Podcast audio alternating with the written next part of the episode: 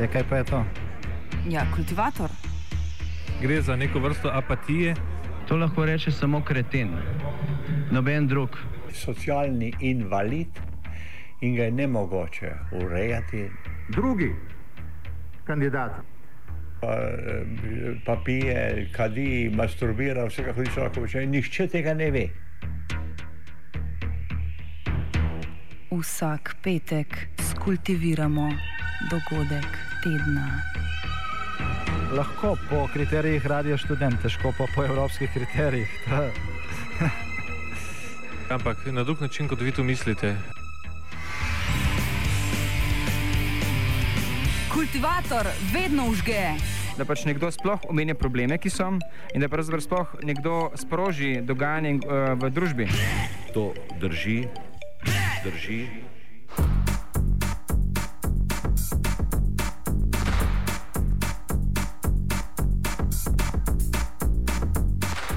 Pokol v Egiptu in svoje umje Zahoda.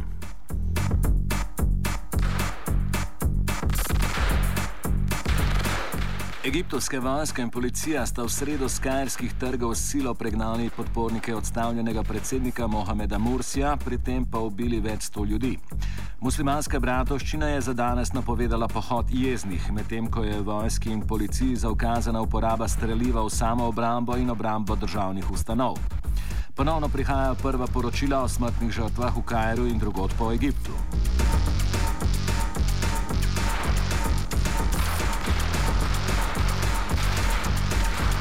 Večina sveta se je na sredino dogajanje odzvala ostra, predvsem Zahod tudi s figo v žepu. Sentiment tako politike kot tudi pretežnega prebivalstva Zahoda še najbolje pojasni izjava katoliškega tiskovnega predstavnika v Egiptu, Rafika Grejča. Navajamo. Žal mi je povedati, vendar se ne bo tako lahko spraviti, ker se muslimanska bratovščina in vse muslimanske stranke ne trudijo, da bi poiskale politično rešitev. Ljudje hočejo miren Egipt, medtem ko majhna skupina širi nasilje in grožnje vse do vasi v zgodnjem Egiptu. Konec navedka.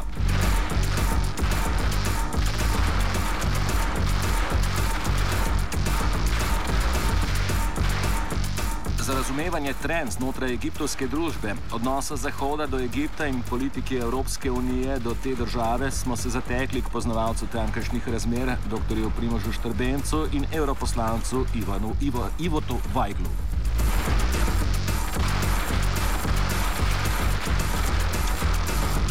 Primož Štrbenc o sredinem posredovanju vojske in policije.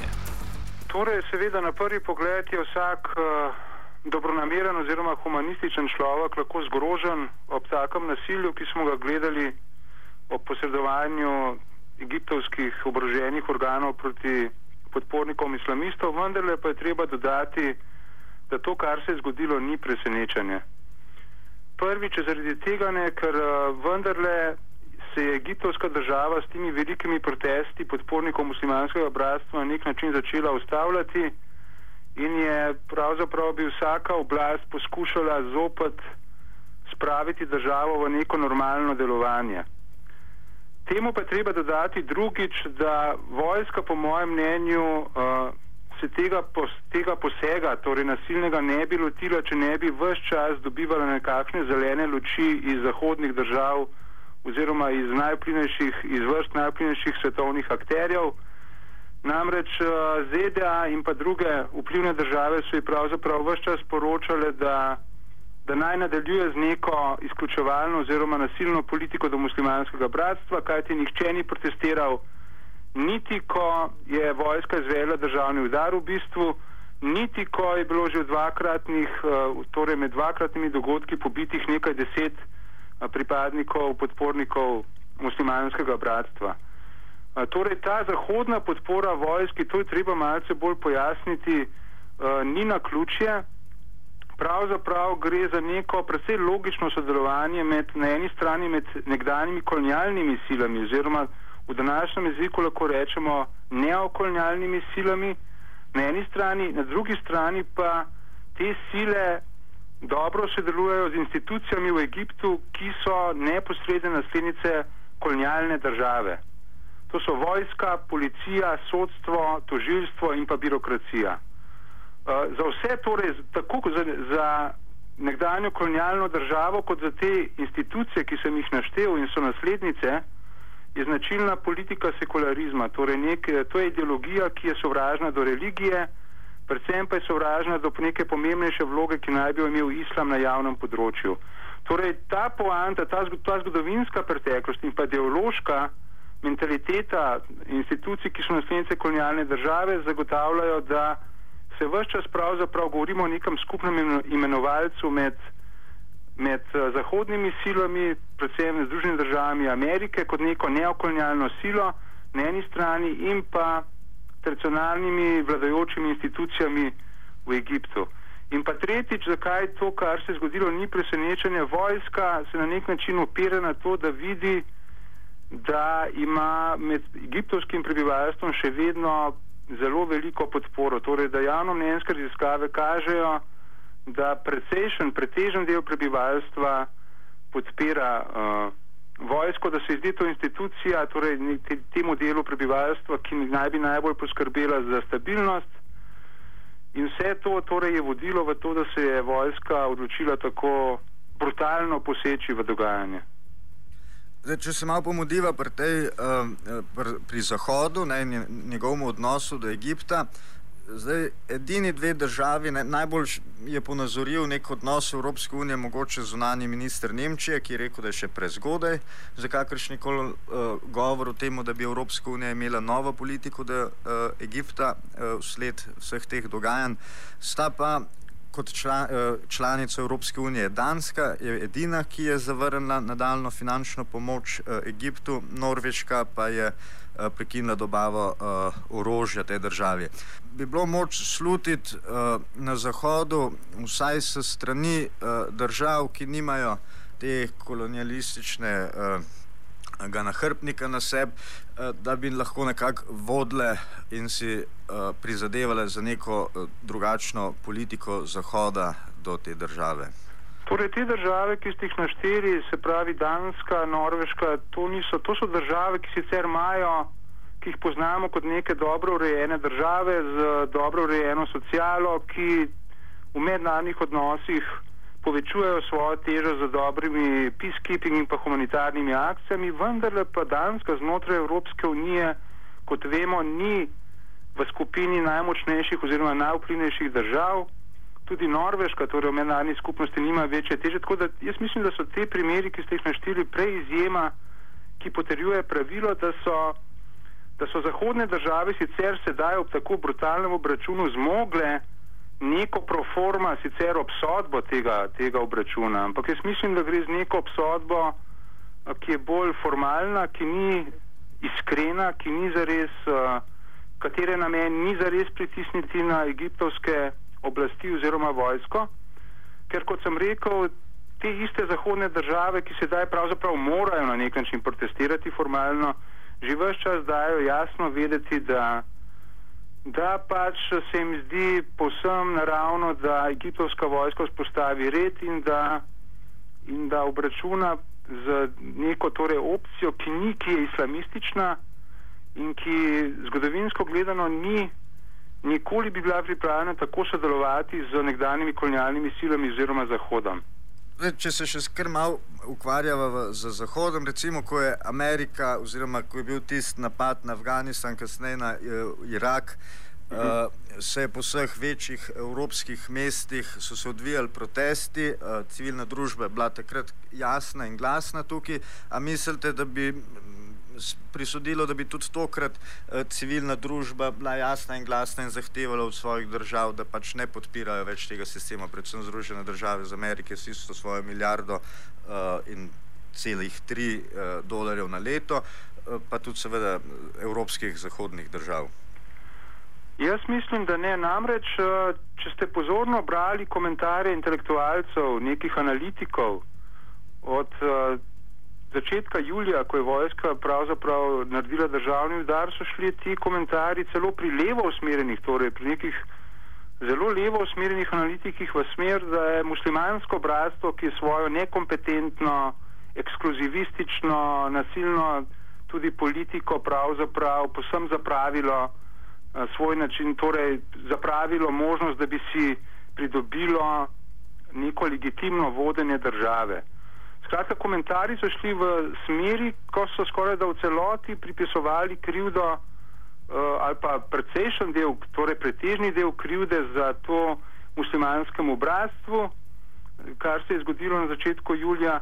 Sicer seveda se je bilo tudi nekaj kritičnih ali pa precej kritičnih nasproti vojski, kar pa hočem reči pa to, da bojim se, da da, zahodnih, da so zahodne javnosti vendarle, da imajo neko skoraj da priorno skepso glede islamistov in islamizma. Da gre za nek tak uh, zgodovinsko pogojen refleks neke skeptičnosti do tistih političnih sil, ki jim lahko rečemo politični islam. In v tem smislu torej ne vidim neke možnosti, da bi zahodne javnosti, kot ste omenili, možnost da bi resnično pritisnili na svoje oblasti, da bi začeli drugače ravnati nasproti Egiptu. Gre za skoraj da neko podzavestno, neko nezavedno uh, torej razmišljanje, da so te institucije, ki danes vodijo politiko v Egiptu, vojska, policija, da so to naše institucije, da so to vendarle neke westernizirane institucije, ki vendarle vodijo neko racionalno politiko sekularizma, kaj ti religija naj ne bi seveda igrala neke pomembnejše vloge.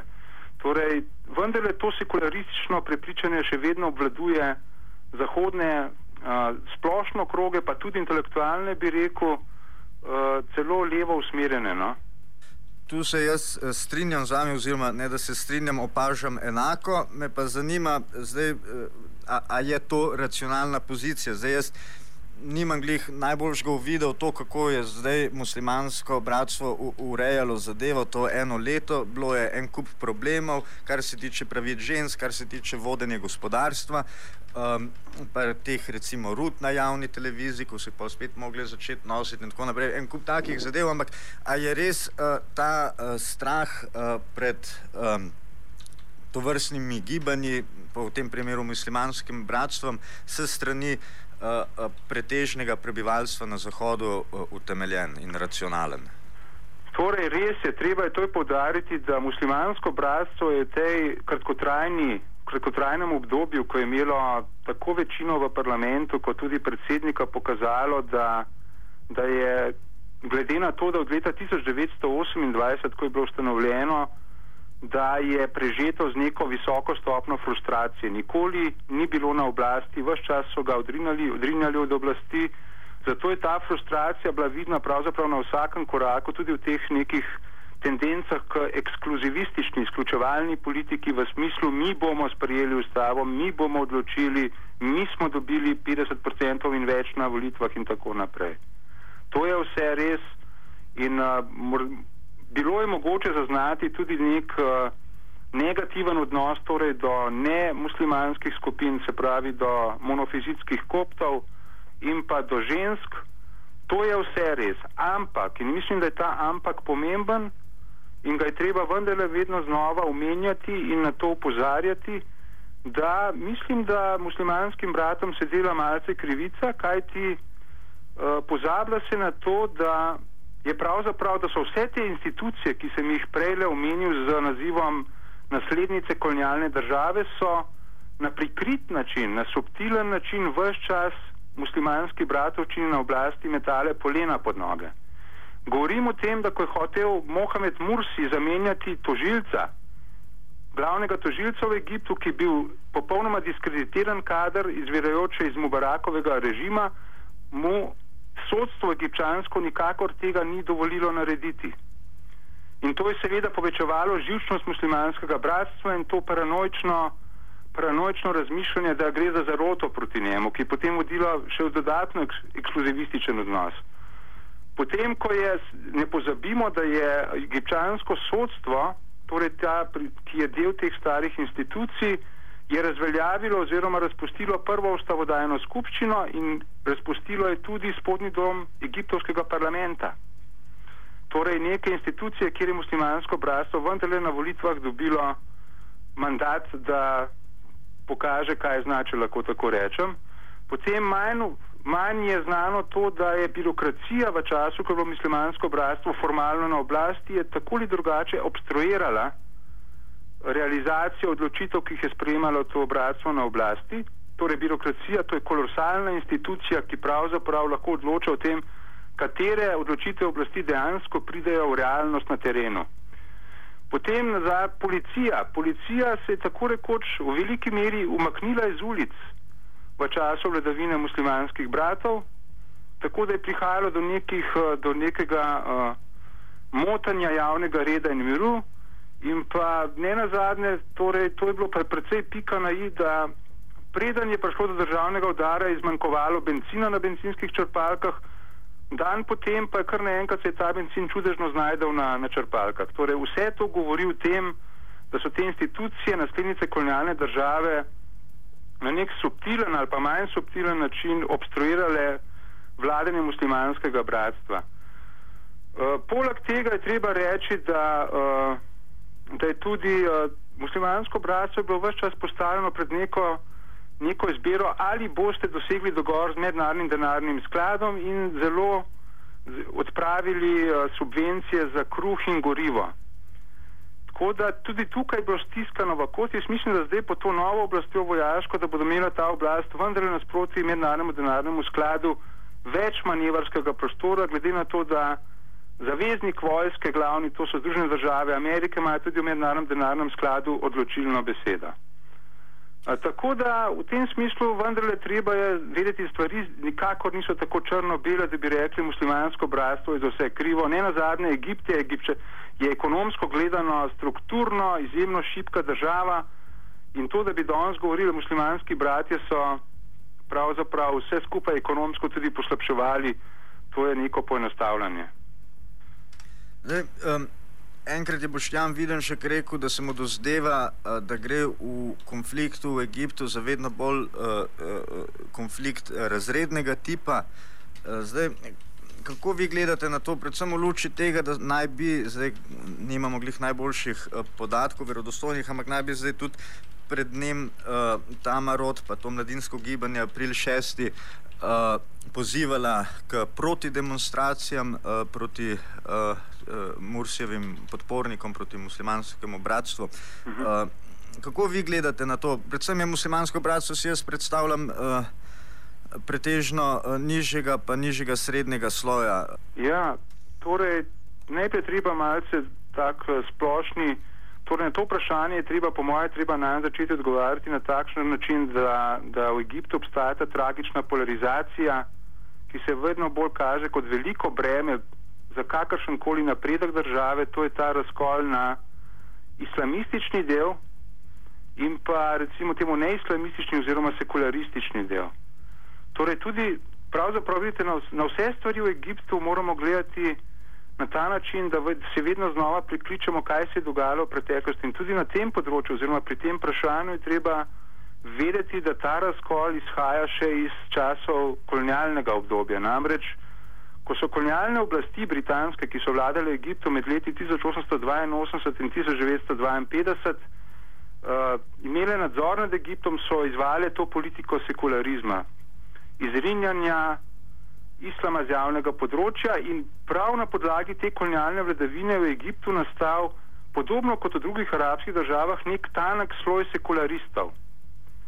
To je bil sicer tanek sloj, to je bil westerniziran sloj, torej pozahodnen sloj, ki je kulturno posem prevzel pravzaprav zahodno, zahodno kulturno paradigmo. Ta sloj je bil sicer tanek, ampak v času, od, v času, obdobju, ko se je potem Egipt osamosvojil po letu 52 in ker so bile tudi te naslednice kolonialne države, so vodile politiko sekularizma, se je seveda ta sloj širil in širil. Tako da danes vidimo, da je recimo pod peticijo proti Mursiju podpisalo tam pravijo 20 do 30 milijonov ljudi. Torej ta sekularistični sloj ali pa zelo, zelo milo islamsko usmerjen sloj, eh, da že tvori skoraj da polovico prebivalstva. In to pa je velika cokla za nadaljni razvoj. V načelu bi rekel, da, da imate prav, da možno je reči, da te westernizirane strukture že v času kolonialne države so bile veliko krat to intelektualne strukture, se pravi novinarji, profesori v, v akademski sferi in tako naprej.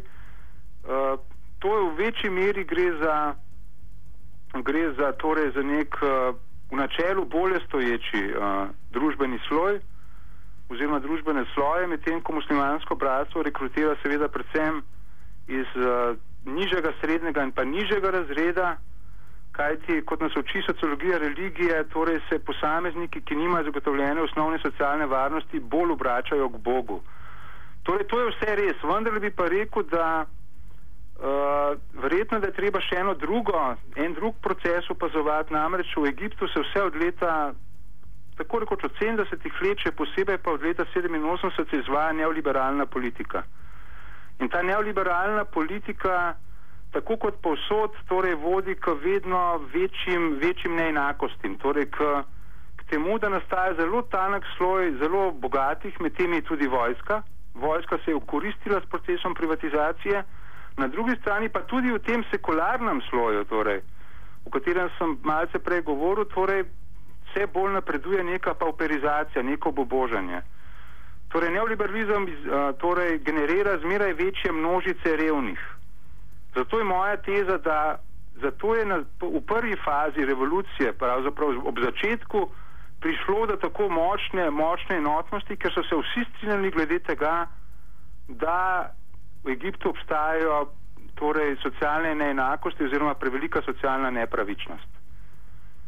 Čim, se, čim se je pa začelo torej, dogajanje, ko se je dogajanje pravzaprav razvijalo naprej, je ta skupni konsens glede socialne nepravičnosti začel na nek način plahneti in se je vse bolj v spredje prebijala ta delitev islamistično-sekularistična. Verjetno majčken tudi usiljeno. Mislim, verjetno so se tudi te glavne elite ustrašile lastnega sekularnega članstva, ki je začelo dojemati uh, neke napake v razvoju, no napake v razvoju, pač te tendence po neoliberalizmu in uveljavljanju tega, verjetno so se tudi uh, aktivno uh, elite uh, spustile v to, da uh, ne, pre, predstavijo uh, te uh, dileme v, v to versko in sekularno delitev. Ja, torej v politiki vojske je bilo, torej poli, vojska je zelo, zelo zelo lucidno in zelo subtilno, torej iz ozadja, prvič računala na to, da se bodo te delitve vedno bolj pojavljale, po drugi strani je pa subtilno generirala sama svojim ravnanjem. Tako da vedela, da na neki točki se bodo te delitve tako povečale, da bo lahko sama zelo elegantno nastopila kot rešitelj. In dejansko je to tako spretno storila, da ko je da je na koncu pravzaprav nastopilo stanje, ko je bilo normalno skoraj da pričakovati, da bo nekdo interveniral. Ne pozabimo, na eni strani so se zbirali milijoni sekularistov, ki so zahtevali odstop Mursija, na drugi strani pa milijoni uh, pripadnikov oziroma podpornikov muslimanskega bratstva, ki so prav tako zahtevali, da ostane na predsedniškem mestu. Torej, to so, to so vojska, to zelo subtilno igro vodila, hkrati pa kot ste sami namignili, torej uh, vojska je zadovoljna s to neoliberalno politiko. Vojska, podjetja, ki so povezana z vojsko, imajo pomembne tržne deleže na, na področjih vode, olivnega olja, cementa, gradbeništva, hotelov in, uh, in tudi uh, benzina. In te pomembne deleže je vojska dobila, kot sem že deloma omenil, ravno v času, ko je mednarodni denarni sklad Egipta zahteval Washingtonski konsens, torej deregulacijo, privatizacijo, liberalizacijo, ko so morali navratno nos privatizirati prejšnja državna podjetja, se je vojska s tem okoristila in ima v tem interes. Torej, da hočem reči pravzaprav, da v času od leta 2011 predvsem pa tudi v času vladavine muslimanskega bratstva je že prišlo do nekaterih uh, procesov razveljavljanja privatizacij v Egiptu. In to vsekakor, to je bilo pa tisto neposredno dreganje v interese vojske, zelo neposredno dreganje.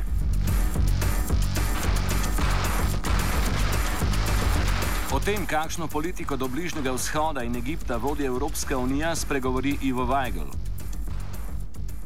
Eh, popolnoma se strinjam z vami, da politiko Evropske unije do bližnjega vzhoda, odkar ni več tekmovanja, blokovskega tekmovanja na bližnjem vzhodu med, med uh, konceptom socializma in uh, Sovjetsko zvezo v ozadju in pa nek, nečim prozahodnim, eh, kvazi demokratičnim.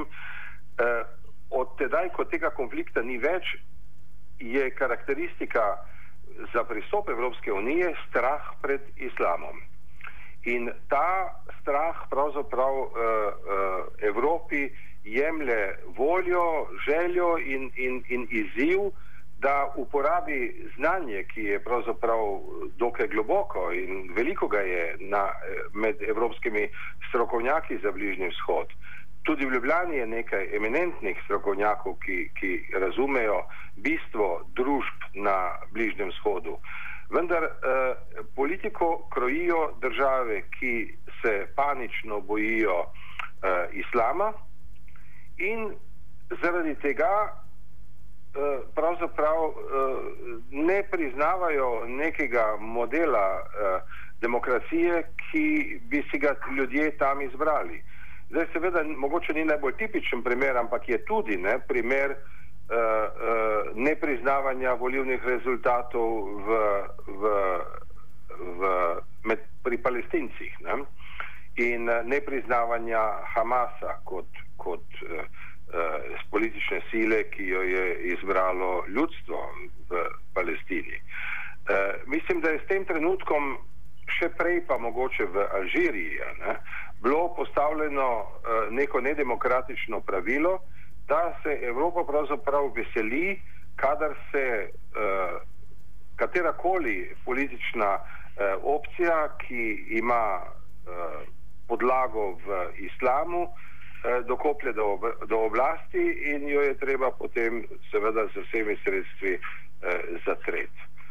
Uh, tako da da, jaz se z vami strinjam. Uh, ta, ta strah pred islamom je endemičen in jaz mislim, da Evropa ne bo našla svojega pravega odnosa do bližnjega vzhoda, dokler ga ne bo priznala takšnega, kot je. Na vse zadnje, eh, islam eh, sam po sebi, ne, težko bi mu očital kaj slabšega, kot se danes da očitati tudi eh, krščanstvu oziroma sodobni verziji eh, katolicizma v Evropi.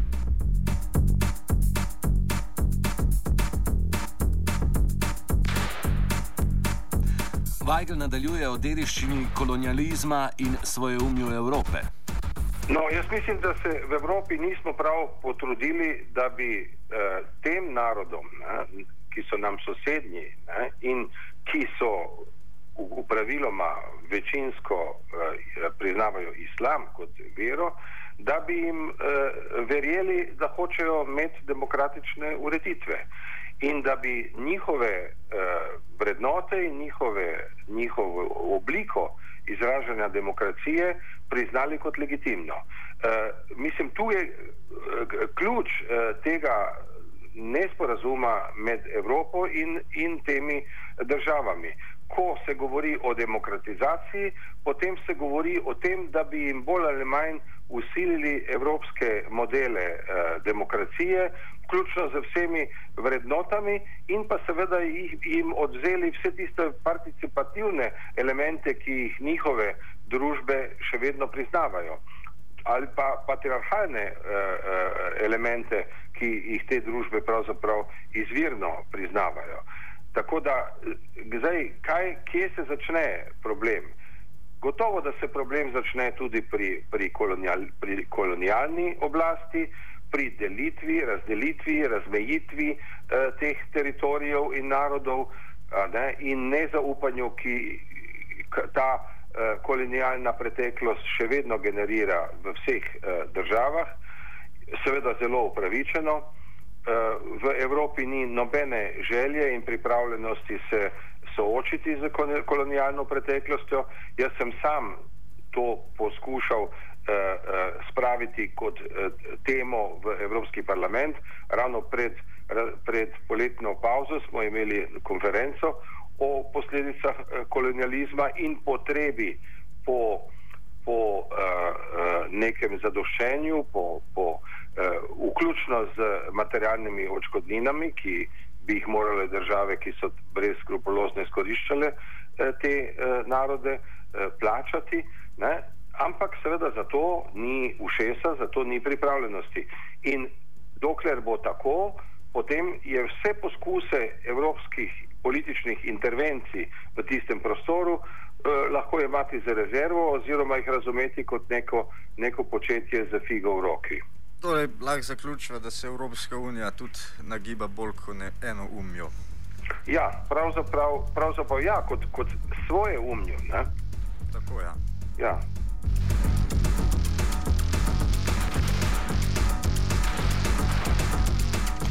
Za konec še nekaj besed o muslimanski bratovščini. Kako se bo ta po katastrofični sredi, morda tudi današnjem dnevu, razvijala? Zaključuje Primoš Trbenc.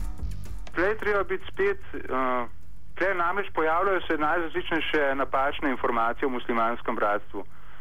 Muslimansko bratstvo se je po letu 1970 uh, jasno in glasno odpovedalo uporabi nasilja. In zato smo muslimansko bratstvo oziroma pakistanska islamska družba Džamati Islami se navajata kot dve paradigmatski zmerni islamistični gibanji. Uh, tudi večkrat se napačno navaja, da naj bi muslimansko bratstvo ubilo Anvarja al-Sadata leta 81, torej ubilo ga ni muslimansko bratstvo, ampak gibanje imenovano islamski džihad, ki je bilo radikalno islamistično gibanje, iz katerega je šel na tudi sedanji voditelj Al-Kaide Ayman al-Zawahiri. Torej, muslimansko bratstvo je do zdaj posem jasno nastopalo kot zmerna islamistična organizacija, ki se za oblast bori skozi parlamentarna pota. Ampak, kot ste sami omenili, torej, po sedanjih brutalnih dogodkih, ki vsekakor pomenijo neko katastrofično stanje, nas zopet sociologija religije uči, da v katastrofičnih stanjih seveda se je religija tista, ki lahko najbolj omogoča graditev stabilne identitete. In tako skoraj da, torej, skoraj da mogoče staviti, da se bodo vsaj določene skupine znotraj muslimanskega bratstva odločile za neko, tudi morda za uporabo nasilja in morda tudi odcepile od muslimanskega bratstva. Torej, takšno, takšne radikalne skupine so se odcepile, naprimer, muslimanskega bratstva po katastrofičnem dogodku, ki ga je pomenila šestdnevna vojna leta 67. Morda je sedaj ta katastrofični trenutek lahko zopet pripelje do tega, tako da vsekakor ni mogoče izključiti uporabe nasilja tudi strani islamistov oziroma nekega gverilskega boja, vsaj v določeni meri. Uh, kar pa zadeva splošno situacijo, kot sem že rekel, Egipt je v neki tragični polarizaciji. In če imamo, tri, če imamo nek trikotnik v Egiptu, eno, eno stranico tvori vojska, drugo sekularisti, tretjo islamisti, lahko rečemo, da so sedaj nepopravljivo sprti islamisti in vojska, zaradi tega, kar se zdaj dogaja. Skoraj da nepopravljivo sprti so tudi islamisti in sekularisti. Torej, edina ta os, kjer poteka še neka kooperativnost, je med vojsko in sekularisti, kar, kot sem že dejal, kar ni, uh, ni presenečenje, glede na to, da sta oba tabora vzgojena v sekularizmu. Uh, torej, dvoje je mogoče na koncu reči, Egip bo imel velike težave zaradi te polarizacije in pa drugič težave bo imel že zgolj zaradi tega, ker je ekonomsko tako zelo šipka država.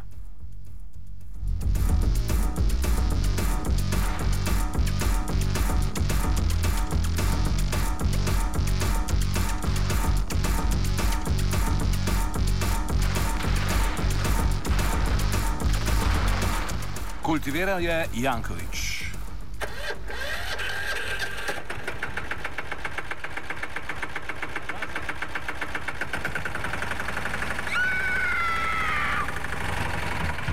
Ja, kaj pa je to? Ja, kultivator. Gre za neko vrsto apatije. To lahko reče samo kreten, noben drug. Socialni invalid in ga je ne mogoče urejati. Drugi kandidat. Pa, pa pije, kadi, masturbira, vse kako hoče lahko počne. Nihče tega ne ve. Vsak petek skultiviramo dogodek tedna. Lahko po kriterijih radio študent, težko pa po evropskih kriterijih. Ampak na drug način, kot vi to mislite. Kultivator vedno užge. Da pač nekdo sploh omenja probleme, ki so, in da pravzaprav sploh nekdo sproži dogajanje uh, v družbi. To drži, drži.